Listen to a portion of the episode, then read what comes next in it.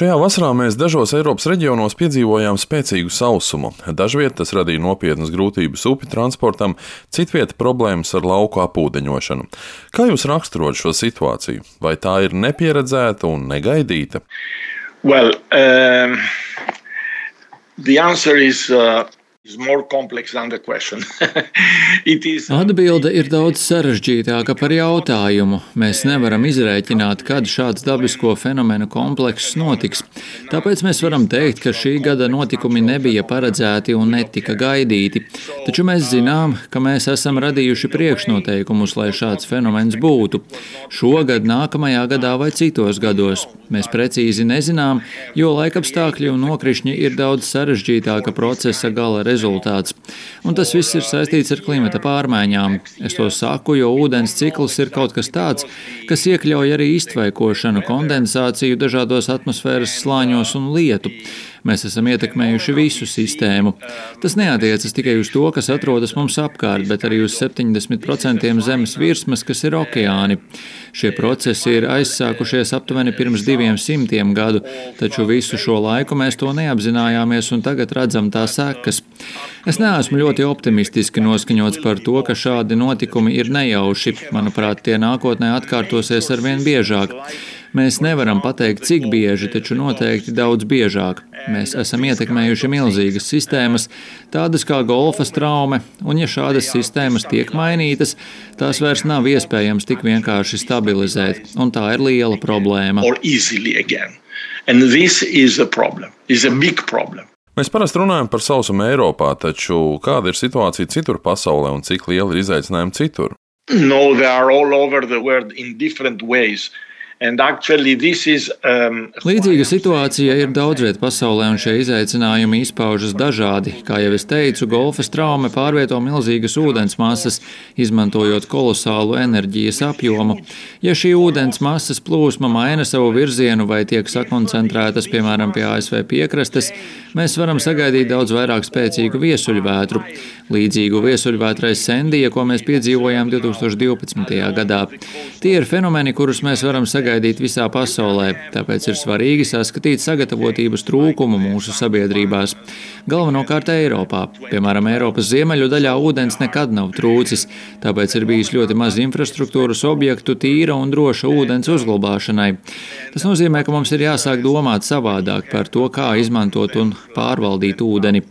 Jo runa nav tikai par sausumu, tam sekos plūdi. Abas šīs galējības kļūs vēl biežākas, un tās ir saistītas arī ar tādu procesu kā erozija. Plūdiem sekos sausums, tad atkal plūdi, tad sausums. Tāpat jārēķinās ar izmaiņām dzīvajā dabā. Šogad mēs redzam, esam piedzīvojuši spēcīgus meža ugunsgrēkus Portugālē un Grieķijā. Mēs tos nebijām gaidījuši, un tie ir izpostījuši senos mežus, kas tur ir atradušies vismaz pēdējos 500 vai vairāk gadus. Tā kā šī gada zaudējumi ir patiesi milzīgi. Are, um, really, you know, Jūs teicāt, ka šādus periodus nav iespējams prognozēt, vai tiešām?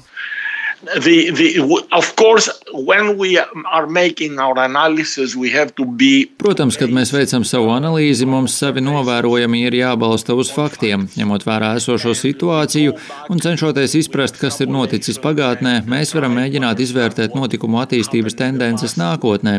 Mēs bieži vien ņemam vērā arī dažādus novērojumus un uzskatus, kas nav balstīti mērījumos. Mēs esam ļoti tuvu tam, lai precīzi izprastu, kāda ir bijusi situācija pagātnē. Un tas, ko mēs varam secināt, ir, ka pašlaik mēs piedzīvojam unikālu fenomenu. Tas nav kaut kas tāds, kas varētu atkārtoties cikliski pēc pieciem vai desmit gadiem. Ir līdzīgi fenomeni, bet ne šādi, un mēs nevaram būt pilnīgi pārliecināti. Pat ja mūsu nākotnes prognozes nav optimistiskas, mēs īstenojam politiku ar optimismu. Mums ir jāredz, kā mēs izdzīvosim šādos apstākļos, kāda politika ir jāīsteno, lai mēs spētu pielāgoties klimata pārmaiņām. Un viens no galvenajiem priekšnoteikumiem ir krāsa prasa samazināt kaitīgos izmešus. Visi par to zina. And, uh,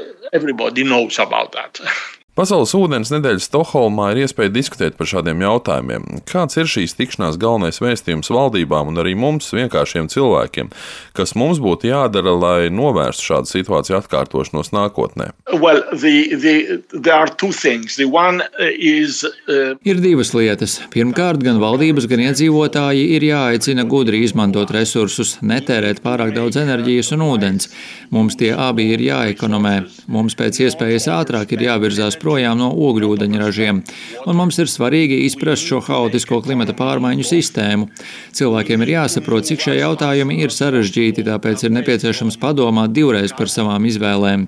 Pašlaik nekā tāda nav. Ir svarīgas mūsu izvēles tajā, ko mēs pērkam, kā mēs tērējam, cik mēs tērējam, kur mēs braucam, kā mēs braucam un tā tālāk. Tas ir pats galvenais vēstījums. Protams, ka tas var izklausīties tā visai abstrakti, jo tā nav skaidra recepte ar pirmo, otro, trešo un ceturto punktu. Taču ik katram no mums būtu jāuzdod sev šis jautājums, kādu ieguldījumu es varu sniegt. Vai es varu nobraukt mazāk kilometru ar auto, vai es varu tērēt mazāk elektrības, vai es varu mazāk tērēt ūdeni vai izmantot to atkārtoti. Kind of Eiropas Savienība ir izvirzījusi ļoti ambiciozus klimata pārmaiņu apkarošanas mērķus mērķus. Zaļā kursa mērķi ļoti tālajoši un būs izpildāmi ilgtermiņā, taču, piemēram, saskaroties ar enerģētikas krīzi, mēs redzam, ka aizvien vairāk valstu jau domā par dabai nedraudzīgāku resursu izmantošanu, lai vienkārši varētu pārciest ziemu. Kad ir nepieciešams domāt par cilvēku izdzīvošanu, ekonomikas stabilitāti un drošību, tad klimata jautājumi bieži vien aiziet otrajā plānā. I think that the European Uh, as you said, the overall European. Kā jau jūs teicāt, kopumā salīdzinot ar citām pasaules daļām, Eiropas Savienības politika klimata jomā ir pati ambiciozākā un konkrētākā.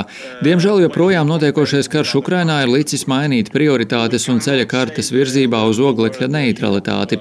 Ir traucēti daudzi šādi mērķi, taču es uzskatu, ka mums ir jāturas kopā arī enerģētikas sektorā, jo tas ir drošības jautājums. Drošība nav tikai saistīta ar valsts aizsardzību. Kopējā drošība iekļauj arī tādas lietas kā piekļuvi ūdenim, enerģētiku, pārtiku un ekosistēmas, tāpēc Eiropas Savienībai ir tik svarīgi šos jautājumus pielīdzināt militārajai drošībai. Tas būs īpaši svarīgi nākamajām paaudzēm. Mums kā Eiropiešiem ir jāturas kopā un jāsaprot, ka mums ir iespējas darīt lietas labāk. To ir viegli teikt, jo kopējā politika ir jāievēro visām dalībvalstīm, bet es varu apgalvot, ka gan enerģijas, gan arī ūdens jautājums dažreiz ir Eiropas Savienību šķeļošs. Tāpēc mums šie vidas jautājumi ir jāuzlūko kā augstas prioritātes aizsardzība un drošība. High priority of defense, high priority of security for the future.